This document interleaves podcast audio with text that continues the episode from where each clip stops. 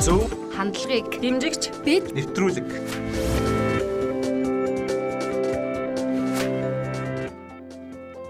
За сайн байцгаана үзэгчтэй. Та бүхэндээ энэ үдшийн мэндийг хүргэе. Тэгээд дөрөвт өдөр болгон 19 цагаас хүрдэг архигүй эрүүл гэр бүл нэвтрүүлгийн ээлжтэйгээр эхлэхэд бэлэн болсон байна. За тэгээд өнөөдрийн манай нэвтрүүлэгт хөхөө чимгээ бид гурван өнцөөслөгчөөр тэгээд зочноор өмгөөлөгч хуйлч Бат отхон. За тэгээд гэр бүл судлаач гэх үү? Гэр бүл судлаач Шүүд шүхэр цэцэг. Би шүхрэг нэргэл одоо шүдэр цэцэг гэж хэлэх гэдэг. Гой нэр өгөх гэдэг чинь чамд. Тийм тэгээд олон жил ясаар өдрийг эзгав сонин сайхан юу байна? Хуваалцъя тхөө. За хамгийн их ажилтаагаар манай хөхөө хэлсэн дээр. Зоригтойгоор шагдар гэдэг. За тийм би нөгөө салхигаалдгийн гэдэг байхгүй. Аа за. Тийм. За өнөөдөр бас нийлээдгүй ажилтаа байлаа. Өнөөдөр Нарантал зах дээр бол олон улсын Нарантал бодлооны төв дээр нэг хил занстар Нарантал зах дээр за эерэг хандлагыг залуучууд уриалъя гэсэн нэлээд томоо даян өрнөж байгаа. Тэгэхээр энэ бол юу гэхээр худалдааны байгууллагуудад залуучуудад одоо чиглэсэн зөвхөн залуучууд гэхгүй иргэдэд чиглэсэн энэ нэг худалдаа үйлчлэгээ явуулахдаа бас тийм эерэг дулаахан уур харилцаатай байгаа ч ингэснээр магадгүй одоо нийгмийн энэ их бухимдалтай тийм ээ ийм байгаа энэ стресстэй байгаа энэ одоо асуудлыг бас багасгах юмаа гэж үзээд яг худалдаа эрхлэгч нарын дунд бас уралдаан зарласан тийм ээ эерэг үйлчлүүлэгчтэй эерэг соёлтой болгосон харьцах чиглэлээр нь сургалт мэдээлэл сурчлагын юмнуудыг хийсэн ийм өдөр байлаа. Тэгэхээр намтул худалдааны төв дээр бол явуулна. Энэ аян маань ингээд сарын хугацаанд үргэлжлээд явагдана. За мөн тэгээд маш одоо олонний талархал хүлээсэн яг өөртөө тэр харилцаа хандлагаа төлөвшүүлж чадсан бас худалдаа эрхлэгчдийг дэмжих урамшуул халдваршуулах гэдэг бас өөр ажлууд хийхээр ийм байгаа. Тэгэхээр ийм одоо ажилтай байлаа. За тэгээд төрийн байгууллагын тухайд нөгөө бичиг цаасны ажлууд ихтэй байлаа. За тэгээд үдээс хойш нөгөө хичээл рүү гүйж яваасаа хичээлээсээ чөлөө аваад гараад баярлаа агшаа. Надад чөлөө аваад байгаад баярлаа гэж хэлмээр байна гэдэг. Тий. За Радиогийн нэвтрүүлэг явсан уу? Радио MJL дээр өнөөдөр бас мэдээлэл өгсөн. 7 хоног болгоны 4 өдрийн 2 цаг 30 минутад бол нийслэлийн гэр бүл хүүхд залуучдыг хөгжлийн газраас явуулж байгаа болон ойрын одоо энэ 7 хоногт хийгдэх гэр бүл рүү залуучууд руу хүүхд рүү чиглэсэн ямар томоохон арга хэмжээ байгаа юм бэ гэдэг тал дээр мэдээллийг тогтмол аваад авах бүрэн боломжтой байгаа. Радиодаа бас өнөөдөр мэдээлэлээ хүргэсэн байгаа. За мундаг. За манай Бататганы тухайд өнөөдөр яаж өнгөрөв? Өглөө босоод юу хийж эхлэв гээ? Өглөө босоод хүүхдүүдэд хичээл номд нь зөрөхөөс эхэллээ дээ тийм. Ердөө нэг өдөр байлаа та. Тэгээд аа яг хамгийн гол сюрприз бол одоо танай нэвтрүүлэгт орж जैन тий. Санаанд урилга аваад энэ үл их сонирхолтой байна. За намайг suurсанд баярлалаа гэж. За баярлалаа. Манай чимгээ За миний хувьд болохоор бас л нэлийн завгүй өдрүүдийн нэг байлаа. Тэгээ бид нар бас ярилцаад бас одоо ерөнхийлөгч маань энэ хугацаанд мөрийн хөтөлбөрийнхаа туршид хийсэн ажлууд дундаасаа ямар ажлуудыг хэдэн хувьтай хийцээд байгаа ямар ажлуудаа болохоор үнэхээр хийх боловч заавал нэг хамааралтайгаас төр зогссон байгаа. Гэдэг одоо юм бүх мөрөгдөлбөрийн бүгдэлд нь базаад хэр хэмжээтэй ямар ажлууд аль нь билээд аль нь билээгүй аль нь юунаас шалтгаасан гэсэн одоо тийм том програм хангамжийн одоо шууд нөгөө иргэдэд ойлгомжтой харагдахаар нэг бас тийм шин ажил эхлүүлээд тэрийг бас ингээ хуралдаж зэнтэй хэрхэн одоо ажиллах вэ гэдэг бас ярилцсан. За дээр нь ажил тараад бас одоо Step Mongolia гэдэг Америкаас за Silicon Valley буюу одоо тэндээс ирсэн IT инженерүүд маань одоо бүтэн өдөр 5 өдрийн туршид одоо өөрсдөө зардлаад агаад тэгээд бас Монгол залуучуудад яг тэр програм хангамжийн мэдлэг олгодог тийм сургалтыг хийж явах. Тэр нь сайн дураар очиж орчуулга болон тэр кодчж чад хүүхдүүд яг мэрэгжлийн төвшөнд учраас тусал дэмжсэн бас ийм ажлуудыг хийсэн өдрүүдэлээ. Өнөөдөр бас яг тэр байсан. Гэхдээ би нэвтрүүлэгтэй учраас ямар ч байсан эндээ бас цаг гаргаад өөр бас айгуу сайн орчуулагч охин залаа гэдэг охин маань байсан учраас ажлаа одоо тэр охин маань авч үлдээд тэгээд би наашаа ирсэн байна. Аа за. За манай зочин шүхэр цэцгийн хувьд за харцангуй нөө бусад өдрийг бодох юм бол арай ачаал багтай. Тэгээд яг илүү нөгөө нэг бэрхшлийн талаас яриа гэж бодоод. Тэгээ удахгүй бас нэг бэлгийн харилцааны ёс зүйн талаар нэг семинар хийх гээд. Тэгээд яг тэрэн дээр хамтрах байгаа хүмүүстэйгээ нэлээд холбогдлоо. А тэгээд бас мэдээж яг нь монголчуудын хувьд бас тий энэ хүүхдүүдэд нөгөө нэг бэлгийн боловсрал тэр дундаас бэлгийн харилцааны ёс зүйн талаас тий нөгөө мэдлэг мэдээлэл бас жоохон ховор бас хомс байдаг. Тэг эцэгчүүд маань ч гэсэн тэр талын мэдлэг мэдээлэл бас жоохон өгөхтэй их одоо ичдэг тий бас энэ мэдээлэл маань өөрөө аюу хаалттай байдаг. Тэгээд бас залуучуудад зориулсан яг ийм семинар хийх гээд тэгээ тэрэндээ нэлээд бэлдээл жоохон юу байсан да. Тэгээ бус нь бол гайгүй дайжгүй. Сонирхолтой байна тийм. Хичээл өнгөрлөө. Аа. За насахаа хувьд. За миний хувьд л яг та тэгэл яг л байдаг юм. Энгийн нэг ердийн нэг ажлын өдөр байла. Тэг яг бид нар нөгөө нийслэлийн гөрөл хөгжлийн газартай хамтран төсөл маань эхэлж байгаа учраас бас өнөөдөр цагдаагийн хүмүүстэй бас уулзаж Баян зүрх дүүргийн цагдаагийн нэгдүгээр хэлцтэй хамтраад архигүй эрүүл гэр бүл өдрлөг хий гэж ярьж байна. Тэгээд цагдаагийн байгууллага маань болохоор бас Баян зүрх дүүрэг маань эх 7 хоногуд бол бас нэлээд шахуу хөтөлбөртэй байсан юм байна. Тэд нар маань өөрсдөө болохоор яг нөгөө гэр бүлийн хүчирхийлүүлдэг нөгөө хохирогч нараа цуглуулж уулзах, эвлэрүүлэн зуучлалын маш том ажил хийж байгаа юм билээ. Ер нь улстай баг анх удаа гараад шахуу бүр баярлах баримтлах байр дээр даваачж уулзуулаад ихтгэлцлийн гэрээ энэ төр байгуулах тийм сонирхолтой маш зөв. Би бол өнөөдөр сонсохдоо сонсож байхдаа энэ ямар зөв арга хэмжээ зохион байгуулж байгаа юм бэ л гэж бодож исэн. Тийм тэгээ тэр хүрээндээ нэг өдөрлөгөө ямар ч байсан нэг дүүргийн нэг 200 орчим архины хамааралтай архиудаг хүмүүсийн дунд эх 7 хоногт хийх бах. Тэгээд өнөөдөр ямар ч байсан эхний ээлжинд ярилцлаа. За мөн үдээс хойш бол эмгтээчтэй орох анги дээр ажиллаа. Хүүхдээ орох анги дээр манай Алтан туяа багш маань явсан. Тэгээ бид нар бол дөрөв өдөр болгоно хүүхд эмгтээчүүд хоёрлоо явдсан шүү дээ. Гурав өдөр бол майнт майнт архины албатай эмчилгээ. Тэгээ нэгд хоёрт өдөр бол орон нутгийн тахир сойдын орох анги ч юм уу анги өдрөө хагас өдөр бол шууд тоосхны орох анги дээр.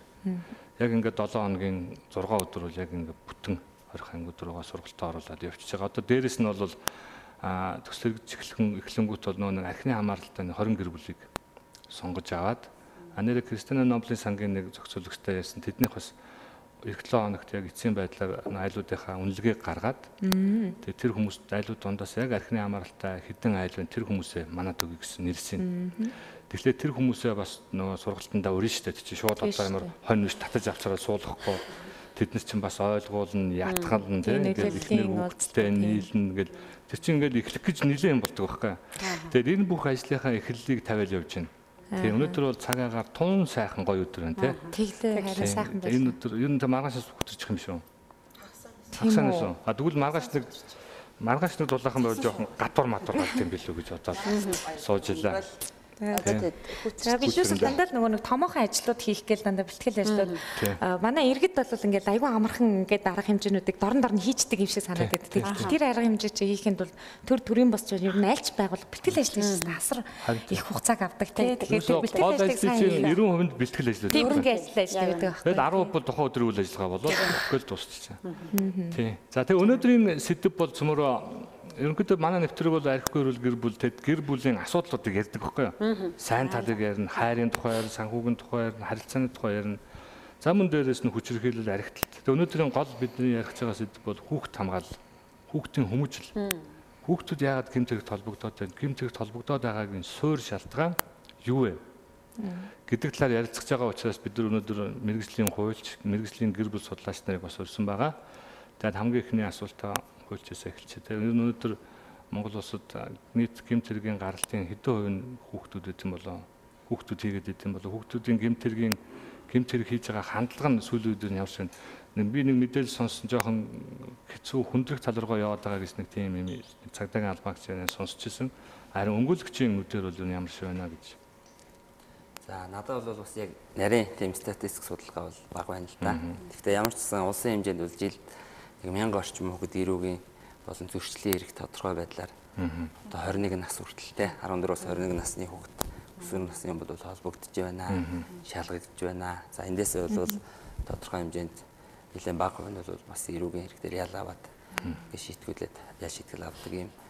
Зүйлс бол жил болгоно л бол а тодорхой гэмтэргийн тодорхой хувийг бол эзэлдэг л юм байна өнгөрсөн жилүүд бол миний хувьд бол 2004 оноос хойш өмгөөлөгчөөр ажиллаж байна. За энэ хугацаанд бол 15 жилийн хугацаанд нэлээд идэггүй бас хүүхдүүдийн эрхшийг хамгааллаа. Зөвхөн хохирогч холбогдогч гэхгүй бас хохирогч.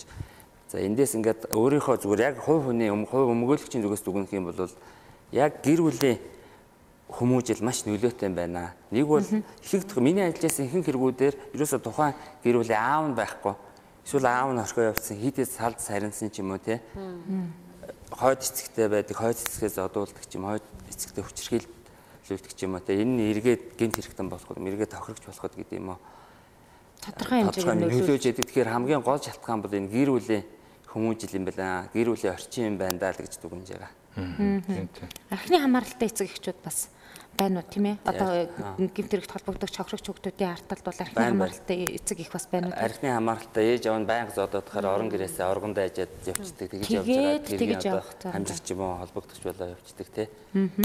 Гэр айл гэр гэдэг чинь гэртээ тав тухтай байх хэвээр. Гэртээ яваад ороход хоолунд нь байх нэг амар тайван байх хэвээр. Гэтэл ээж аав нь хажуу талаас нь одоо хайраад зодоод өчтөдөхөр хинч тэнд байх дургу те. Тэгээд бас нэг дөрөв жилгээд тэр нэг хүүхдийг өмгөөлж исэн нэлээ олон удаагийн хулгайн үйлдэлтэй. Эргээд харахаар яг тэр эцгийн хайр халамжийг бүр багасаа мэдэрч чадаагүй. Тэгэхээр ер нь гэр бүлийн хүмүүжил хамгийн гол Нөлөөтэй байна нөлөөтэй байна л гэж. Ер нь хүүхдүүд ямар төрлийн гэмт хэрэгт төлөвөө оролцсон өөрөө чинь өмгүүлж байгаа гэдэг. Ер нь бол хулгай Хулгай аль дээ. хулгай байна. Тэр одоо хулгайн нөгөө нэг санаатай одоо хулгай гэдгийг мэдсээр аж хийж байгаа юм байна. Гэтэл тэрийг бас миний нэг тохиолдол бас бидэд нэлээдэн жилийн өмнө хүүхдээ тараас очиод нөгөө сайн юус ном зам бэлгэлээд явж хахад тэнд нэг тийм залуу байсан байхгүй юу.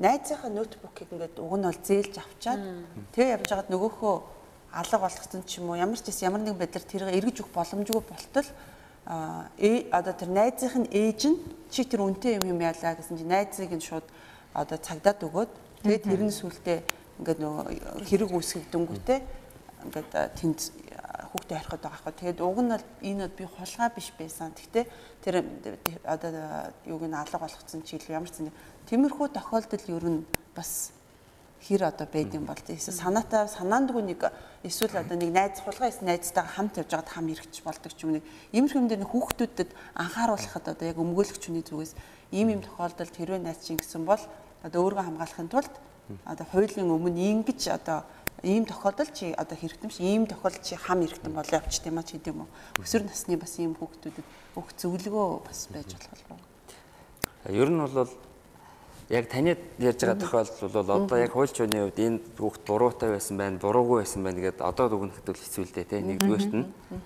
А хоёрдугаарт нь хэрэгт бол гинт хэргийн хамжигч гэж нэг юм байна.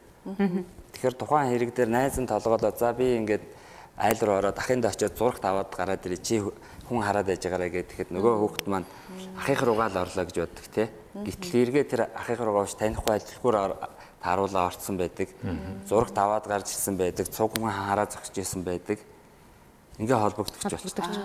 Тэгэхээр яах вэ гэхээр би бол 2004 онд өмгөөлөгч болоод Чингэлтэй дөрвөн цагдаа гэлсээр суудгасан. Энэ үед бол 14-өөс 25 насны хүртэл залуучууд айгүй олноороо л ял авдаг гэсэн. Яг одоо ч хിവэрэ. Гимт хэрэг гэдэг бол тодорхой үр дагавар А тэгэхээр бид нэр өөрчлөн сэргийлэх ажлыг те эрүүг хуулийн 6 дугаар зүйл нь нэг 10 зүйл залт байгаа. 14 наснаас 14 наснд хүрсэн энэ 10 гинт хэрэг дээр ял авнаа. Эрүүг хариуцах хүлээд гээд. Тэгэхээр энийг тэрний нэг чинь нэг хулгай авахгүй юу? Энийг маш сайн сурталчлах те хүүхдүүдэд ойлгуулах. Миний хувьд 2011 оноос хойш өнөөдөр хүртэл бол ерөнхий боловсролын сургуулиудаар яг энэ хууль сурталчлах ажлыг хийдэг сургалт заагаад явдаг. Тэгэхээр очиод нийгмийн ажилтнанд очиод за ингээд нэг эрүүгийн хууль гэж байдаг. Энэ заасан одоо үйлдэлийг хийх юм бол зөрчих юм бол гимтрэг болно. Тэгэхээр одоо нэг ийм 10 хэрэг байна. Энийг мэдхүү гэхээр нөгөө багш нар маань нийгмийн ажил маань өөрөө бас сайн мэддгүү те. Өө тийм үү гэдэг. Ингээд заагаад төхөр хүүхдүүд нь ч ойлгодог, багш нь ч ойлгодог те. Шүүгийн практик гэхэд зэвсэг гэж нэг юм яригдана жишээ нь хүүхдээр ангийнх нь бүх шанаадад авдаг, эргэж хараад яасаа аваа байна чигээд тэр буланд байгаа шалны мод очиод цохоод авдаг. Шалны модоор тий. Гэтэл нөгөө зэвсэг хэр нэг нь зогсон гэдэг үйлдэлээр буруужих нөгөө хөлт маань зэвсэг ашигласан гэ хүндрээ явчихна. Тэгэхээр энэ зүйлийг хин зааж өгөө гэхээр өмгөөлөгч хуульч хүн зааж өгнө шүү дээ. За чи ямар ч үсэн зодон цохоо илээхэд юм хүм чулуу авчираад ирээ цохлоо гэхэд минийхөө тэнсэн авах байсан бол тэнсэн авахгүй шүү гэд. Ахынх нь өмгөөлжсэн 5 жилийн өмнө өмгөөлжсэн нэг хэрэг дээр яг ийм болсон байхгүй гэхээр нөгөө хөөхт яах вэ гэдгээр ойлгож байгаа. Тэгэхээр яг энэ хууль сурталчлах ажлыг зүгээр нэг хулгай хийж болохгүй гэж ярих нэг өөр. Хулгай гэдэг нь онлын хувьд юм байгаа. Мэргэжлийн ялангуяа хуульч өмгөөлөгчнөр мөрдөн юм уу өөрсдөө шүүгчнэр прокурор те Өөрөөсөө яг энэ хулгай гэдэг чинь юм байгаа. Миний ажиллаж нэг хэрэг дээр ингээд бүр буруудсан, ингээд хүндэрсэн юм шүү гэдгээд ингээд тайлбарлах юм бол илүү үр дүнтэй хүрдэг юм байлээ л дээ. Хүүхдүүд үрдэг. Ер нь бол тийм. Тэгээ хүүхдийн салбарын яг тийм болчтой юм л да. Юмыг ингээд айгу олон талаас нь байн байн ингээд тайлбарладаг, ингэдэг болчтой юм л да. Тэгэхээр одоо эрсдэл нөхцөлд байгаа хүүхдүүд хүүхэд хамгааллын хариу үйлчилгээг хамтарсан багаараа үзүүлээд гэдэг. Би яриул нь салбарын хүн өөр чиглэлийн хүн ойлгохгүй байгаатай яг адилхан байдаг байхгүй. Тэгэхээр хүүхдтэй ажиллаж байгаа хүмүүс бол илүү тухайн хүүхэд яг яаж хэлвэл хүүхдийн төвшнөөс илүү ойлгох вэ гэдэг талаас нь сургууль их зүгээр да. Үр дүнтэй аргыг ашигладаг юм байна те манай Баттган. За шүхрээгээсээ шүхэр цэцэг те шүхрээгээсээ нөгөө хин насаахын нөгөө шүдэр цэцэг санаанд орж ирээд байна. За шүхрээгээсээ сонирхож асуу. За энд өмгөөлөгч бол мэдээж гэр бүлийн хүмүүжил дээр одоо бас асуудал байна. Гэр бүлийн орчноос бол ингэж хүүхдүүдэд шалтгаалж байна гэж. Тэгэхээр манай шүхрээ бол хүүхд хүмүүжлийн эрэг аргын сургалтуудыг бүр орон нутаг бүсийн хэмжээнд хийгээд яваад байгаа юм байгаа. Тэгэхээр сүүлийн жилүүдэд хичнээн хүнд бас энэ сургалтыг хөргүү хүмүүс өрн хэрхэн хүлээж авч байна. Яг тэр хүүхэд хүмүүжлийн эерэг аргын өгөөд байгаа гол мессеж нь юу лээ? Аа тэгэхээр яг одоо хүүхэд хүмүүжлэх эерэг арга гэхэлэр нөгөө талд нь сөрөг аргын тухай ингээд бас бодож байна тийм ээ. Тэгэхээр ер нь бол хүүхэд хүмүүжлэх эерэг арга гэж байгаа бол гэдэг нь одоо сүүлийн үед бол нэлээд одоо эцэг эхчүүдэд тэ хүрж байгаа. За миний хувьд болохоор ер нь 2000 9 оноос хойш ер нь яг энэ хүүхэд хүмүүжлийн эрг аргыг одоо эцэгчүүдэд танилцуулаад тий яг тэр одоо аргаараа сургаад мөн зөвхөн эцэгчүүд биш бас төрийн ажилтнууд тийм ээ босрлын хэлцээ ажилтнууд одоо аймгийн тий ингээд явж байна л та. Тэгээд ер нь бол үндсэндээ миний нэг бас гэр бүлийн баяр хөөртэй хамтаа хэлэлгээ сургалтын хөтөлбөрөөр яг энэ хөтөлбөр маань болохоор ер нь бол дэлхийн зүйн байгууллагын хөтөлбөр. Тэгээд орон нутаг одоо нутагшуулсан хэлбэрээр энэ одоо хөтөлбөрийг шилжүүлээд тэгээд үндс үндсэндээ яг энэ нутагшуулсан одоо хөтөлбөрөөр 500 орчим одоо сурагч ашиг нь бэлтгэсэн. Тэгээд энэ хөтөлбөр маань өөрөө болохоор их маш их мөрөв хүчтэй юм хөтөлбөр байдаг л да. Тэгээд суралцсан хүмүүс маань ингээд цаашаа өөрсдөө нөгөө сураад тэгээд цаашаа өргөжлүүлээд ингээд эцэг эхчүүдэд одоо хүрээд ингээд сураад сургаад ингээ явж байна л та. Тэгэхээр яг хуу мэдээж яриг нөгөө хүүхэд гинт хэрэгт өртнөө гэдэг гэдэг маань бол эцсийн одоо үр дагавар байгаа шүү дээ тийм ээ. Тэгэхээр тэрнээс өмнө хин Батхатган маань ч гэсэн түрүү ярьлаа шүү дээ. А энэ бол үүнээс урьдчилан сэргийлэх бас нэг юм байх хэрэгтэй гэж тийм. Тэгэхээр мэдээж яриг урьдчилан сэргийлэх зүйл гэдэг бол яалчгүй л одоо гэр бүлийн орчин тийм тэр дундаа эцэг их хүүхдүүдтэйгээ харилцах эцэг их хүүхдүүдээ яг нөгөө зөв хүмүүжүүлэхэд энэ бол маш их одоо нөлөөтэй тий. Тэгэхээр ээж аав хүүхдүүдтэйгээ яг өөр одоо зөвхөн одоо нөгөө эцэг эхчүүдийн өөрсдийнх нь хүүхдүүдтэй хандж байгаа хандлага нь зөвхөн нэг юм бие махбодын хэрэгцээ тий хоол хүнсний хэрэгцээг ингээл хувц хунар ч юм уу яг үндсэн хэрэгцээг нь хангаад л зогсчдөг. Энэ бол одоо миний одоо юу гэдэг нөгөө мэрэгжлийн үнэнүүдээр ингээ харах юм бол ингээд аюу хязгаарлагдмал харагдаж байгаа байхгүй. Эцэг их болохоор болоод байна гэдэг те. Тийм ч учраас юу гэдэг вөхөр би одоо чамааг үнтэй сургууль сурах чинь те. Би чамд та хоолонд одоо хаавч юу гэж нэнээс илүү чи юу гэсэд аа гэдэг. Гэтэл яг нариндаа ингээ хүүхдийн сэтгэл зүйн хэрэгцээг эцэг ихнэр тэр болгоо анзаардаг. Тэгэхээр миний зүгээр хувьд ингээд одоо гэр бүл судлаач хүнийхээ өнцгөөс харахаар би бас энэ гинт хэрэгт өртөж байгаа бас нэг энэ шалтгаан нь юу вэ гэхлээр эцэг их хүүхдийнхээ нэг сэтгэл зүйтэй одоо тий ойлгож сэтгэл зүйг нь ойлгож сэтгэл зүйг нь олж харж яг тэр хэрэгцээнд нь тулгуурлаж харилцдаггүйгээс болж хүүхдүүд нөгөө эцэг ихээсээ маш их одоо хүндийрэл тий маш их юм нөгөө шарахыг авдаг тий. Тийм учраас нөгөө юм харилцааны хомслууд маш их үүсдэг. Сэтгэл зүйн хомслууд үүсдэг гэж боддог. Тэгээ тийм учраас энэ нөгөө нэг маш олон одоо эрсдлүүдийг хүүхэд үүрэгтэй ийм одоо бас нэг шалтгаан болд юм болов уу гэж ер нь боддог л да. Тий. За яг эмт хэрэгтэй холбож байгаа хүмүүсийн гэр бүлийн хүмүүжил тал дээр ийм бас тулгымцсан асуудлууд байгаад байгаа юм. Эцэгчүүд тэгэхээр ер нь бол аливаа хүчрхийлж байна, аливаа эрсдэлт хүүхдээ өртгөөс урсан сэргийлэхийн тулд хамгийн чухал юм нь нэг номерт одоо хүүхэд хаана нэг гэхээр гэр бүлийн орчинд байгаа шүү дээ. Тэгээд дагаан сургуулийн орчинд ч гэдэг юм уу. Тэгээд нийгмийн орчинд гэдэг ингээд задраа авчиад. Тэгэхээр гэр бүлийн орчинд бол хамгийн түрүүнд урсан сэргийлэх энэ ажил ажиллагааг анхаарат өгчих юм бол ээж аав нь анхаарат өгчих юм бол бас тодорхой хэмжээгээр хүүхдүүд асуудал өртөх нь буурна гэдэг. Тэр тусмаа сэтгэл зүйн хэрэгцээнд нь нөгөө сонсох, ойлгох, ярилцах, урамшуулах, дэмжих, оролцоог нь хангаж өгөх гэдэг арга тактикуудыг хэрэгснээрээ магадгүй хүүхэд ямар нэгэн юунаас урьдсан сэргийлэх юм боломжтой гэж ингэж байна. За тэгвэл надад нэг юм асуулт байна л да. Манай Баттгон бол гимт хэргийн хохирогч болон холбогдогч хоёртой хоёулантай нь ажилдаг байгаа. За тэгэхээр энэ хоёр дээр одоо мэдээж онцлог ялгаа байгаа л ах л та. За гэхдээ би бас юу гэж асуух гэдэг нь гэхээр хүүхдийн салбар хүүхдтэй хүүхэд гэрүүлтэй ажилладаг салбарынханд нэг ийм асуудал байгаад байдгийг. Аа цагдаа шүүх одоо прокурорын байгууллагуудын хооронд л гэхүү дээ тий. Нөө заавал өмгөөлөгчтэй бай, хасран хамгаалагчийн байхад байцаал давах. За тэр дундаа бэлгийн хүчирхийлд өрцөн охтуудын тэр нөө байцаалтыг авах энэ гэдэг асуудлууд тэр нэлээд одоо хоорондоо маргаатай байдаг. Тэгэхээр энэ асуудал дээр одоо яг ахиц гарсан уугүй юу те ямар шуухан байгаа вэ? Прокурорын шатанда, мөрдөн байцаах шатанда, хэрэг үүсгэх шатанда, магадгүй шүүхт тийм тэр тал дээр ерөнхийд нь ингэж нэг аваад үзвэл. Ерөнхийдөө бол манай бас эрх зүйн тогтолцоо нэг бол хөгжил байгаа л да сайжирч байгаа те. А ер нь бол яг энэ төрлийн хэрэгүүдээр тодорхой төвчний мэрэгсэн одоо өмгөөлөгч, байцаагч, шүүгч одоо яг мэрэгсэн хүн байх юм бол тухайн хэргийг илүү үр дүнтэй шийдвэрлэх боломжтой тий. Тухайн Уучлаарай цагдаа тэр нөгөө хүүхдийн байцаагч гэж байсан тэрийг ярьж байна уу? Ээ ер нь бол тий тэр тэр зүйл байх хэрэгтэй шүү дээ тий. Одоо байхгүй байгаа. Тэр одоо гэр бүлийн байцаагч. Нэг хэсэг нь. Тий. Тэгэхээр мэрэгсэн байх шаардлагатай байна. Мэрэгсэн бас яг мэрэгсэн байх хэрэгтэй юм байна л гэж би харж байгаа. Сая бол өнгөрсөн 7 хоногт нэг жишээ татхад бол энэ дээр ахиц гарч байна. Аа хүүхэд гэрүүлийн газараас бол хуульчдын холбоотой хамтраад хөдөө орон нутаг 9 дүүрэг 21 аймгийн 150 орчим өмгөөлөгчийг авчираад ингээд 4 хоногийн хугацаанд яг энэ хүний 8 хүн худалдааллын тэрэг одоо бэлгийн хүчирхийллийн тий бэлгийн эрхчлэн төрчихсөн одоо энэ хүчирхийлээ хохирчийг өмгөөлөхөд яаж өмгөөлөх ёстой юм бэ? Байцаан шийдэх ажиллагаанд хэрхэн амжилттай оролцох юм бэ гэдэг юм мэрэгшүүлэх сургалт зохион байгууллаа л да тий. Яг энэ чиглэлд ажиллаж байгаа хүмүүсийн дуур чадварыг дээшлүүлэх тий. Иймэрхүү байдлаар бас төрөөс өмгөөлөгчдийг л сургасан юм тийм үү? Энд бол өмгөөлөгч байгаа тодорхой төрлийн сэтгэл зүйчүүд янз янзын хүмүүс ирээд чөлөөтэй нээлттэй сууж л байгаа юм л да бас яг энэ салбарынхан. Мөрдөн байцаагч прокурор шүүх дээрээс. За мөрдөн байцаагч прокурор шүүх дээр болохоор прокурорын байгууллага цагдаагийн бодлого тусдаа явуулж байгаа. Энд дээр бол явуулж байгаа шүү. Ааха. Тэгэхээр бол тодорхой ахиц гарч байгаа гэж ингэж харагдаад байгаа юм байна тийм. Тодорхой ахиц гарч байгаа. Гэхдээ мэдээ сайжруулах зүйл байгаа тийм. Аа. Би Баттутгны нэг юу дээр бас айгүй санал нэгтэй байна. Ягаад гэвэл нөгөө мэрэгжлийн хүмүүс байх хэвээр тодорхой хэмжээнд мэрэгших хэрэгтэй гэдэг дээр бол санал нэг байна. За ягаад тэгэхээр сая хоёр юу хоёр дахь өдрөө лөө тий төрийн ордонд бол нэг гэрүүлийн хуулийн шинжилсэн найруулгыг бас төслийг нь танилцуулах хилцүүлэг боллоо доо. Тэрэн дээр бас э, оролцсон миний би. Тэгээ ингээ оролцох тийм бол төр төрийн бус одоо эрдэмтэн судлаач маш олон хүмүүс л оролцож байгаа. Тэгээ Монгол улсын тухайд юу гэж яригадаад байгаа гэхээр нэг давуу тал нь бол гэрүүлийн яамтай болох асуудал бол энэ хууль шинэ хуульд бас тусагдж байгаа юм байна лээ.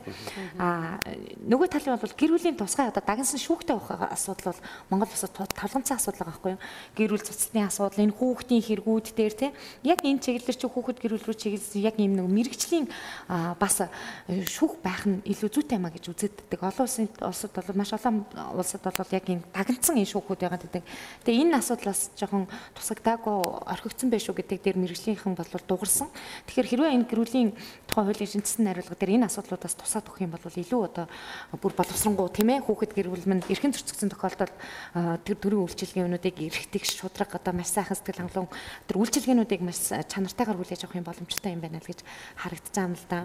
Тэгэхээр ер нь бол бидний нөө нэвтрүүлгийн зорилго маань болохоор хүүхдүүд яагаад гэмт хэрэгт холбогдоод байна тийм. Аа сая яг ганц хоёр жишээ татал эхэллээ л одоо гэр бүл салалт юм байна. Гэр бүлийн боловсрал бага олгод юм байна тийм.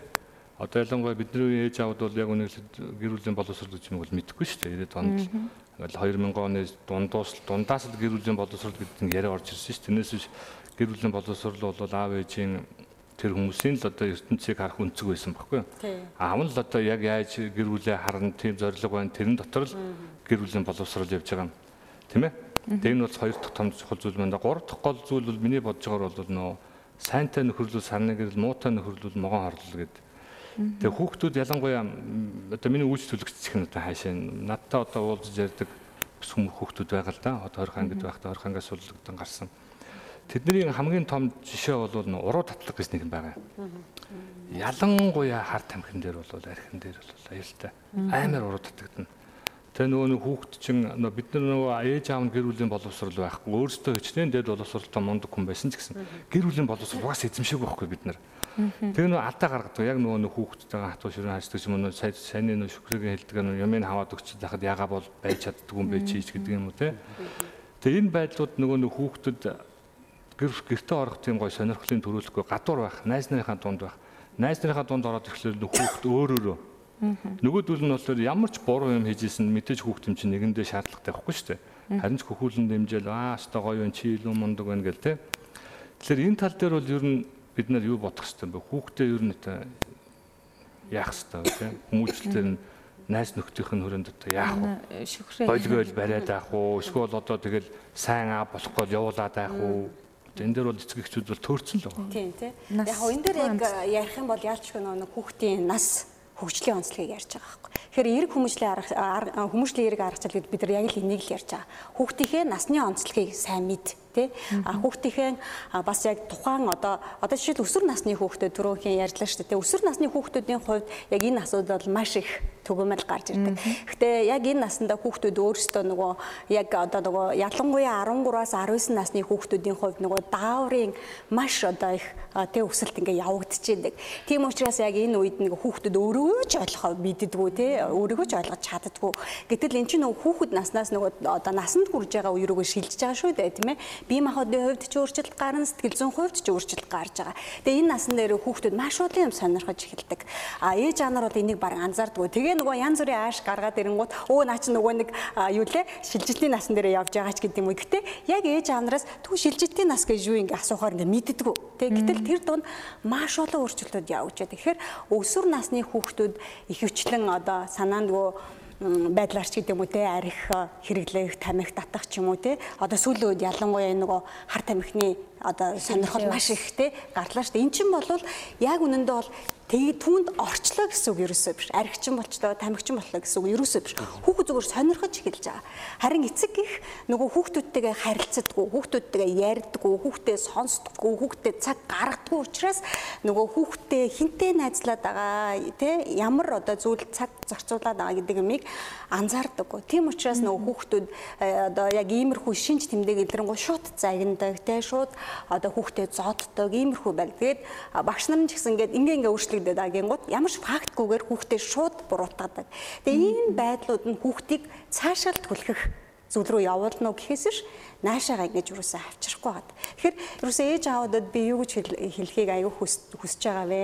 Юу гэж хэлээ яваад байгаа. Тэгэхээр юусаа хүүхдийнхээ насны онцлогийг таньж байна. 0-аас 5 настай хүүхэд ямар онцлогтой юм? Сэтгэл зүйн хувьд яадаг юм? Би бэлтрийн хувьд ямар тий а одоо онцлог байдгийг а мөн танин мэдхэн хувьд ямар одоо хөгжлийн шатанд явдгийг. За 6-аас 9 настай хүүхэд ямар байдгийг тэгвэл тий а 9-ээс 13 настай хүүхэд 12 настай хүүхэд 12-оос одоо 19 настай хүүхдүүд гэ тий. Тэгэхээр ерөөсөө энэ зүйлийг хэлмээр аа хүүхдээ л таньж мэдээч тий. Хүүхдтэйгээ цаг гаргаж. Яг зөв гол нь хүүхд нь найзын ярэ найз ба штэ. Аха. Одоо айгүй хэцүү асуудал байна. Одоо би яг өөрөө ээж хүний хувьд миний яах вэ? Манай чавчих уу явуулаад том том одоо яг өсвөр насны тэгэхээр би саяхан яг охины маань яг өсвөр нас эхлээд бүр ингээд маш ааштай ингээд өөрийгөө өмгөөлөх сонирхолтой бүх юм дээр тайлбар тавьдаг Тэгээ ингээд би бас э, ээж болохоор нэг тэр тэр чинь ингээд надад том хүн шиг харьцаал намайг үйл явших надад таалагдахгүй би бас тэнд ингээд аруулцах гэдэг. Гэхдээ би яг интернетээс судалж байгаа өсвөр насны онцлог гэдгийг жинхэнэ судалгааны юм уншлаа. Тэгсэн чинь ерөөсөө яадаг гэдэг бүх юм хэлээд. Тэгээд ерөөсөө тэрэн дээр яг одоо бас нөхөрлөж байгаа найз нөхдийг нь бид нар мэднэ гэдэг нь ерөөсөө төрүүчээл хүүхдүүдэд цаг гаргаач ярилцаач. Хүүхдүүдэд манай охин маш дотгошоо манай нөхөр ер нь дотгошоо талдаа тийм хүн яг аавыгаа дуурайгаад тэр чинь удамшсан нэг бүр ингээд айгүй чимээг өгөх талах гэдсэн байхгүй. Тэгээ би болохоор өөрөө айгүй дураараа өсчөөд эцэг эхчүүд чинь нөгөө аа бас нэг сони юм лээ шүү дээ. Бүх юм миний хүслээрээс гараад хүүхдүүдээ хүртэл өөрөө хүслийн одоо миний хийснийг хийх хэрэгтэй юм шиг болгож байгаад би хүүхдээ айгүй нэг буруу өсөж байгаа өсөж байгаа мэдээд за би одоо задлыг гэд хэл чи юу хэлмээрээ надаа хэл хамаагүй ээж нь уралдаж ээж рүү гууралж олно. Хэлмээр ингээ бүр ингээл бараг тасгалжуулсан байхгүй. Тэгсэн чинь одоо бүр хитэрсэн юм шиг санагдаад бүр өөрөө за би юу яач вэ ч үгээ тэгтээ яг уу азуулж нээлттэй байлгаж өгсөний ачаар одоо хүүхдүүд маань бүх процесс ярьдаг. Яг сургуульд дагаж ирээл ингээд нэг эмгтээ би ганц охинтой тэгээд гурван бандтай болохоор охин бол дагаж ирээл тэгэхээр бүх мэдээлэл авч ичл нэг хүүхдийн тухай мэдээлэл хахад одоо юу гэдэг ижил хүсний сонирхдаг охин байгаа байхгүй. Гэх мэтлээ ингээд ингээд нөгөө мэдээллийг би өөрөөдөө суглуулад тэгтээ шууд хүн ячи тэрнтэйгээ бол би ийм одоо шууд юм зааж зааварчлага биш ярьж явж хагаад аяж сонсон чинь нөгөө тэр гэдэг охин чинь миний охин жоохон тийм юм уу да?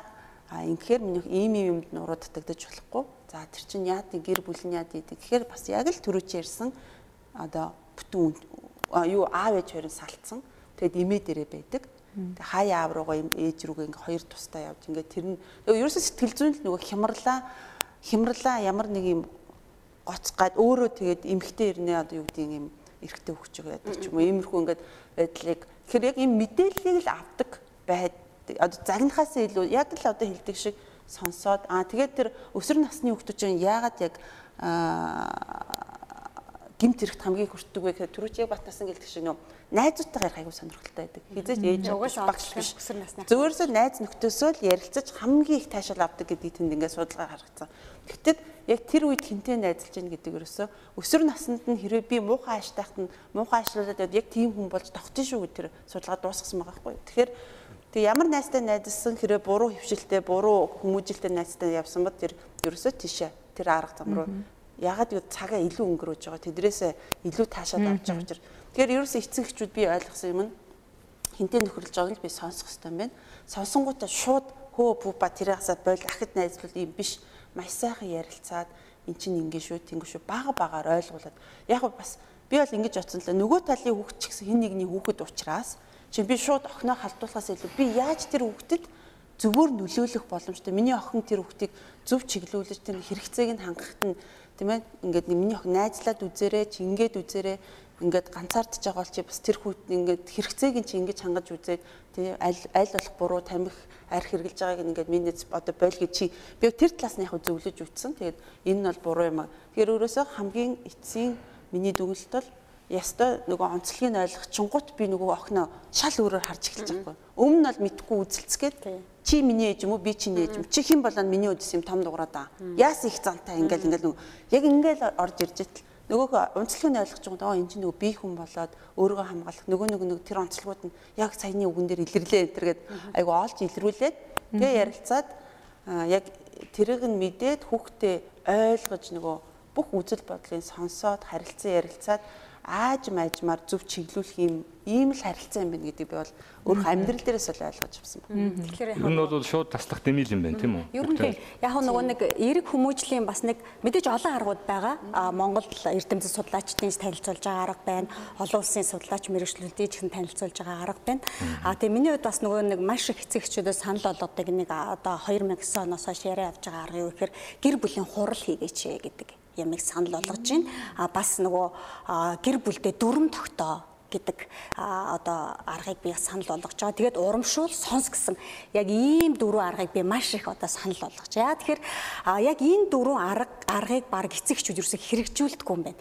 Гэтэл яг нариндаа ингээд аваад үзэх юм бол одоо жишээлбэл яг танаа гэр бүлд гарч байгаа асуудал тий ээж аав нар хамгийн түрүүнд ойлгох хэрэгтэй юм юу вэ гэхээр хүүхэд чи эргээд хүүхэд болохгүй байхгүй? Тэр чинь том хүн болж байгаа.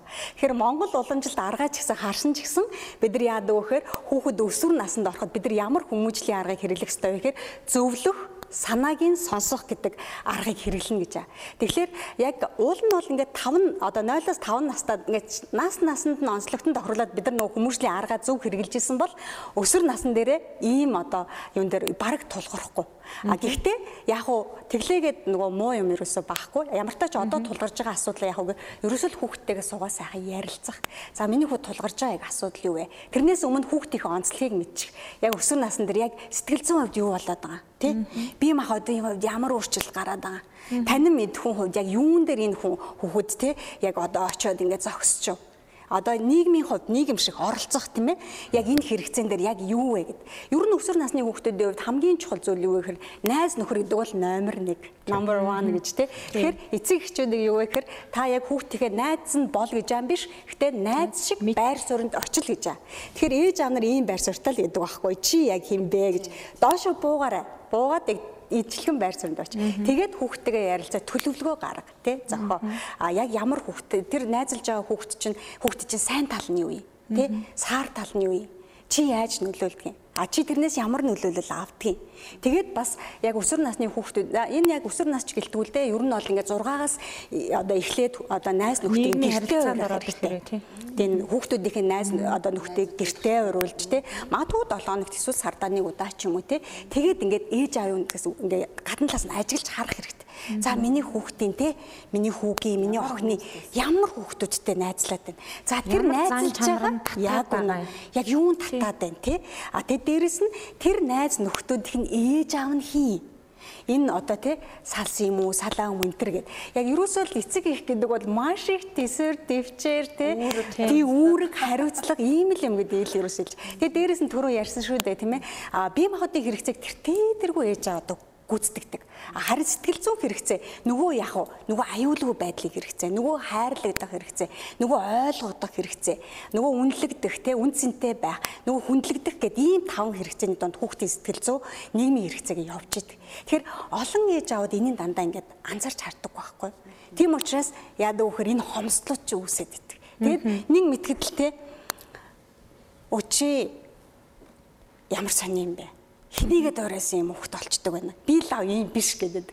Тэгээ би ээж амнараас асуудаг байхгүй уучлаарай. Энэ хөхд өнөөдөр хүртэл хинтэй хамт амьдэрсэн юм бэ гэж.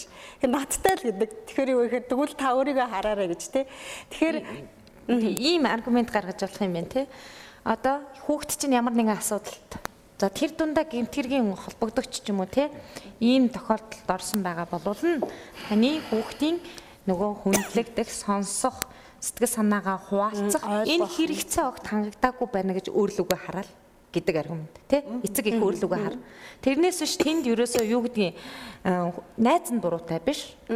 Тэгж ярил бас maybe нийгэм бас буруутай биш бүр хүүхдийн байгуулагч таашаа буруутай биш тийм нэг тийм ингэдэг байхгүй эцэгчүүд чинь манай дээр тийм тохиолдол байгаа.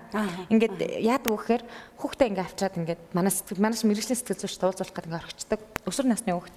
Тэгээ юу гэж хэлдэг вэ гэхээр энэ хүүхдийг дийлхэ байлаа тэгээ бүр гэрвлэрээ тэгж хэлдэг. Танах хүүхдийн байгууллага юм бол над хүүхдийн хавчрыг олоод гэдэг Тэгэхээр нөгөө нэг суур одоо манай шухрыг хэлээд байгаа тэр ахгүй суурийг фундаментыг зөв тавиагүй юм чинь 16 7 таа болчихсон тэр хүүхдтэр биднээс яаж ч ажиллаа суур хүмүүжлийг тэгтлэн 100% өөрчилж чадахгүй байхгүй. Магадгүй нэг жоохон хандлагыг тийм өөрчлөх хин талын юм тавьж болно. Тэгэхээр ерөөсө хамгийн энгийн гарц гаргалгаа хүүхд чинь ямар нэгэн тийм илүү найзаагаа дотночлоо тэр хэрэгцээг ерөөсө тэртээ тэргүү тэр бид хориод дийлэхгүй гасаа тийм хүний өөрийнх нь хэрэгцээ. Тэгэхээр болж бүтггүй хүнтэй нийлээд байна уу? Хэрэг төвөгт орооцолдоод байна уу? Магадгүй хичээл номондоо явахгүй байна уу? Тийм ээ? Гэр орноосоо гараад байна уу? Оройтоод байна уу? Ингээд байна уу гэдэг чинь тэртээ тэргүй хамт найзтай байх, нөхөдтэй байх, нийгэм дунд байх хэрэгцээ нэгдүгээрт байна. А хоёрдугаар зэрэгцээд миний хэрэг одоо тэр нөгөө үзүүлэх ёстой хайр, халамж, хүндлэл сонсох, яриулах гэдэг хэрэгцээ бас байгаа юу гэдэг тэр жишиж үзэж чадах юм бол магадгүй айгүй олон зүйлээс урьдчилан сэргийлэх юм. Яг үнэ. Яг үнэ. Маш олон зүйлээс асар том. Тийм айгүй чухал зүйл болчихж байгаа байхгүй. Тийм. Нэг талаас нөгөө талаас сайн ярьжсэн чинь ингэж бодогдоод байх. Хизээ заванда ингэж хүүхдээ хүмүүжүүлнэ ингэж. Нэг тийм юм даа штэ. Нийгэм ардаа те хүүхэдгүй юм шиг ажиллаад тийм тэгээд одоо ажилгүй юм шиг хүүхдээ хүмүүжүүлээ гэд хүнээс шаарч чинь тэр дундаа одоо эмэгтэйчүүдээс ч гэдэг юм уу тийм ингэ шаардаад байна гэд нэг хошигнол яваад штэ. Тэгэхээр одоо яалтчгүй үнэн саяхан би ном уншиж явсан чинь ерөөсөө нэг англиар хит экстрем байх чинь нормал бус хэвийн бус үзэгдэл гэж.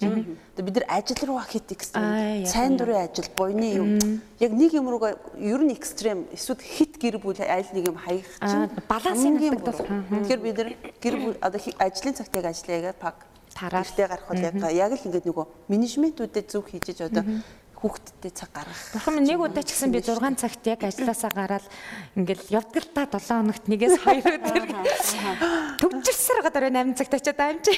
Үнэхээр хэцүү. За тэгэхээр нийгмийн юм хүчин зүйлүүд байна. Ийм ийм зүйлүүд байна. Тэгээ би яагаад энийг хэлээд байгаа юм гэхээр бас гаргалгаа байна. Яагаад тэгэхээр тэгтээ зүгэл биднээс нийгэм дарлаа ажил хөдөлмөр эрхлэхгүй л бол бас тэ амьдралын тэр бас тодорхой бусад хэрэгцээнүүд хангагдаж чадахгүй болчих штэ. Тэгэхээр яаж байгаа гэхээр манай байгууллага дээр бол дотоод жиремдээ өөрчлөлт оруулсан. Хүүхдийн байгууллага өөрсдөөс эхлэх хэвээр. За чинь хэрвээ та хоёр хүүхдтэй бол хоёр хүүхдээ чинь төрсөн өдрөөр та ажиллахгүй амралтдаг цалинтай амралтдаг гэж хэлж байгаа. Тийм. Тэгэхээр энэ бусад байгууллагууд бас ийм одоо зөвлөлүүдийг хөдөр нутгад байгууллагууд хүртэл өрнүүлж байгаа юм билэ. Тэгэхээр бүх одоо байгууллагууд ингээд эхэлчих юм бол нь а болвол нь жилдээ одоо хүүхдийнхаа ямар ч байсан төрсөн өдрөөр нь цалинтай чөлөө олгогдоод зөвхөн хүүхэдтэй тэр өдрийг ядаж нэг өдрийг гаргаж өгөх ийм одоо санаачлаг юмнууд явж байгаа. Тэгэхээр энийг бас ингээд хэлж ярьж явбал бас нэг удаа ч гэсэн хүүхэдтэйгээ сайхан нэг уучлаар яригдсан. Нэг саяхан бас аюу гоё нэг юу уншсан юм багш. Багш нарт нөгөө ядаж штэ эцэг эхчүүд чинь бас айгу нөгөө өөрөөсөө бурууг ягаад хин одоо түрүүн за энэ хүүхдийн байгаад чийл нь бол гэдэг шиг ингээ багш нарыг бас их буруутгах тохиол их гардаг гэсэн чинь Оросын яг нэг юм сургуулийн ханан дээр тэгэж үтцсэн байсан гэсэн одоо хүүхдэд үнэнч зан тэ төлөвшил бусдыг хүндлэх одоо тэр бүхий л тэр дотоод мөн чанаруудад гэр бүлээс гард юм а. Багш бол бид нар хичээл заадаг. Бид нар тийм болохоор та багшаас юм шаардах бишээ. Та өөрөөсөө юм шаардаж гэсэн нэг агуулгатай юм бас ингээ бичигдсэн байсан л да. Тэгэхээр бас эцэг эхчүүд өнөөдөр одоо өөрсдөө хүүхдүүдэд цагаа гаргаагүй байж багш нарыг айгуух те ийм одоо хандлага тавьдаг бас зүйл дээр айгуу анхаарах хэрэгтэй шүү гэдгийг дээр бас нэг гинт сандсан дээр хэлчихээ. Тэр багш нарын асуудал гэсэн тэр нэлээд Ахмад багш юм шиг үлээ нэг юугаар явж байсан өвчтөр хөвлийн юунуудаар ч гэсэн нэлээ явах шиг болно лээ. Тэр цэцэрлэгийн багш нарын ачааллын асуудлаар тий нэр үнэхээр л бодолцмоор одоо энэ сургуулийн өмнөх боловсролын байгууллага буюу одоо энэ Монгол Улсын боловсролын их сургууль дээр байгаа. Тий цэцэрлэг юунд ингээд цэцэрлэгийн багшаар бэлтгэж байгаа энэ хүүхдүүдийг бол би бол тэгж боддгийг шахаж онлын маш одоо хурдтай өгөөл шууд дадлага ажиллал энэ дандаа туслах багш нарын цэцэрлэгүүд дээр багш нарын туслах багш нар хийлгээл бүр ингээл maybe магадгүй нэг жижигхэн хэмжээний цалинтай ч юм уу те ингээл шууд практик дээр гаргах шаардлагатай юм шиг. Тэгэл явц дунд нь тэрийг хэлж өгөөд ойлгуулад практик дээр бол тэгвэл энэ багшийн ачаал айгүй хөнгөрөх юм шиг. Тэр тусмаа нөгөө яг нөгөө эрдэмтэд нөгөө дэлхийн нийтээр хүлээн зөвшөөрөд байгаа 0-6 наснд төлөвшлийн яг нас чинь цэцэрлэг дээр яваад байгаа байхгүй. Тэн дээр нөгөө хүн хүүхэд болгонд хурч ажил, хүүхэд болгонд одоо те туулж ажил, хүүхэд болгоныг сасгажуул гэдэг 50 хүүхэд дунд нэг хүн байж байдаг. Тэгээд тэр багш бол шууд шудраг хилж яадаг шүү дээ. Өглөө яаж ороод Өглөө нүдэ хуулаад нэг автобусанд багтаж аваад ирдэг. А орой болвол тэгэл унтахтай зэрэгцэл сэгсэгээл гэрте ордог. Нэр үнэхээр тийм аа. Бодохоор тэр хүн ч бас хүн шүү дээ тийм. Багш нарт хоёрсан чинь надад зүгээр нэг юм санагтай. Би бас нөгөө багш нарт сургалт хийжсэн л та. Тэгээд яг хуу багш нарын хөрхий бас нэг ингээд нөгөө тий гомдолж байгаа нэг зүйл нөхөр бид нар ингээд хүний хүүхдүүдийн төлөө ингээд тий бүх юм зориулдаг. Гэтэл бидний хүүхдүүд ингээд орхигддаг. Одоо яах юм бэ гээл тий. Тэгээ би яг хуу авч байгаа шүү дээ. Мэдээж авч байгаа. Авч байгаа. Тэгэл тэр ажлаас Тэгээ яг гол бидний нөгөө ярьжсэн сэдв юу байсан бэхээр багш нар энэ их завгүй ажланд яаж хүүхдүүдэд цаг гарах вэ гэл. Тэгээ яг би зүгээр э, бид нар ингээд маш олон талаас нь ингээд те хилцэл ингээд ярилцсан. Тэгээд би зүгээр юу ч хэлжсэн бэхээр за яг та ингээд нэг хүүхдээ ингээд бүтэн цаг гаргаал те ингэх гэгээд мэдээч тэгэж цаг зав гаргахад жоохон хүндрэлтэй байж магадгүй. Гэтэ хэдүүлээ нэг л юм дээр зүгээр тогтчихъя гэдэг. За мэдээж та бол цаг гаргах нь зүүн хэрэгтэй. А гэтэ миний санал болгож байгаа зүйл юу вэ гэхээр та ерөөсөө олон таван үг хэлмээргүй хэрэггүй эсвэл маш их ядарсан эсвэл маш завгүй байгаа үед зүгээр л 20 секунд хүүхдэд тэрвэрэрэй л гэж хэлсэн. Энэ бол эерэг хүмүүсийн бас нэг арга гэж. Тэгээд хүүхдэд тэрвэрэх тэрвэрт ерөөсөө юу вэ гэхээр 20 секунд гэж байгаа байхгүй. Тэгэхээр доотлонтэй 8 удаа ингээ хүүхдэд өдөрт 20 секунд тэрвэрэхэд та ерөөсөө тэр хүүхдийг мянган үг хэлснээс илүү те хүүхдийнхээ сэтгэл зүй хүмүүжилд асар их нөлөө үзүүлнэ гэсэн маань. Маш их. Тэрийг бол нөгөө э, эрдэмтэн судлаач тэгж үзээд байдаг. Цаг гаргыг гэхээр ёстой хилдгээр ингээл 30 40 минут цаг суу гэсэн юм биш байхгүй юу? Ерөөсө чанартай цаг. Чанартай цаг гэдэг нь яг харилцах төвшөнд нь очоод нүдрүү нь хараад ингээд суугаад яг анхааралтай өөрийн сонс. Энэ л айгүй чухал. Энэ бол ерөөсө ганцхан минут ч байж болно тий. За яг ямар байна гэд. За манай батагтай 3 хүүхэдтэй шалгиж ярьлаа гэж.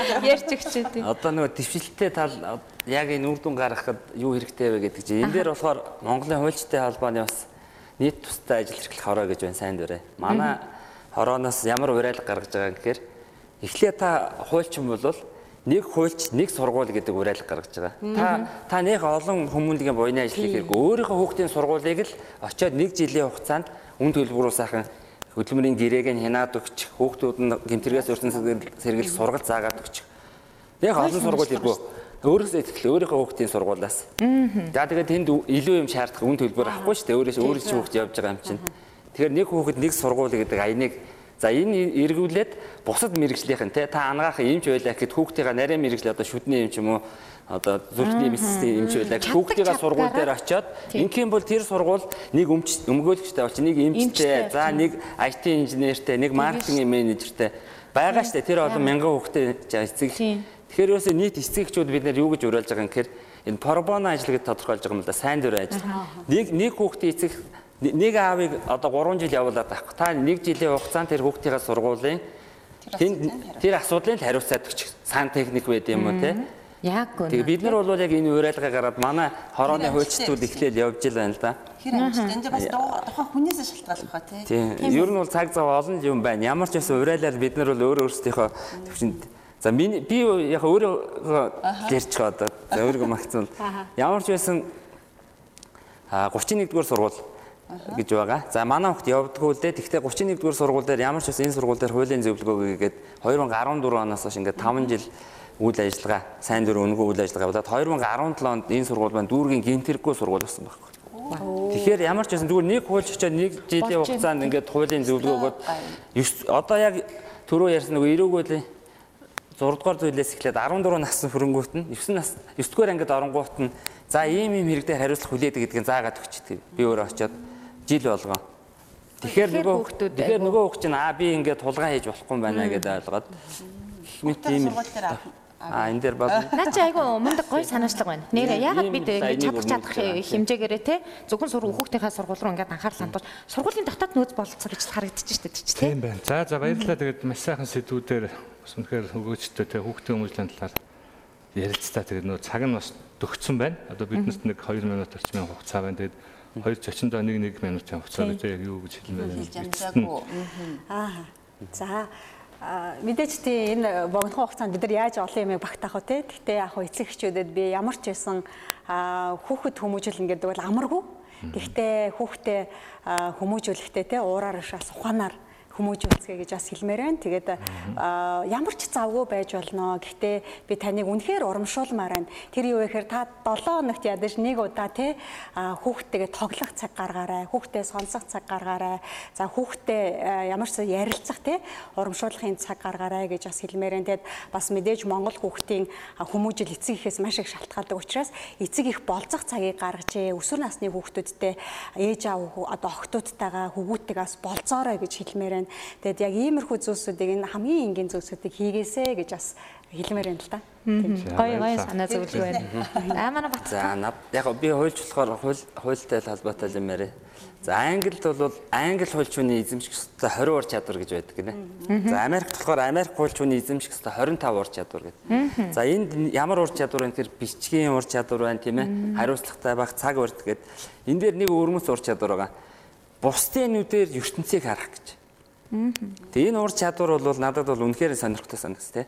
Хуульчин бол мэдээж гэрчийн нүдээр, шүүгчийн нүдээр, боркорын нүдээр, холбогдогчийн нүдээр, хохирогчийн нүдээр харах. А эцэг хүн хүн бидний хувьд яг үг гэхээр яг тэр хүүхдийнхээ нүдээр тэр хүүхдийг ойлгооч яа тийм ээ. Сонсооч яа гэж ингэж л уриалмаар байна. Тэр хүний нүдээр л харцгаая. Хүүхдийн. За баярлалаа. Хамгийн сүүлд нь Баттгоо маань ямар гоё санаа дэвшүүлж байна те. Хүүхдийн нүдээр өөрийнх нь ертөнцийг харна гэдэг бол маш том чадвар шүү дээ. Тэ? Бид нар ч юм бол ер нь тэгээд өөрийнхөө нүдээр хүүхдэд харуулах гэдэг байгаа шүү дээ. Тийм шүү дээ. За ер нь болж л би бол энэ ертөнцийг ингэж харж байгаа чи яг аавтайгаа адилхан харах хэрэгтэй гэл тэ.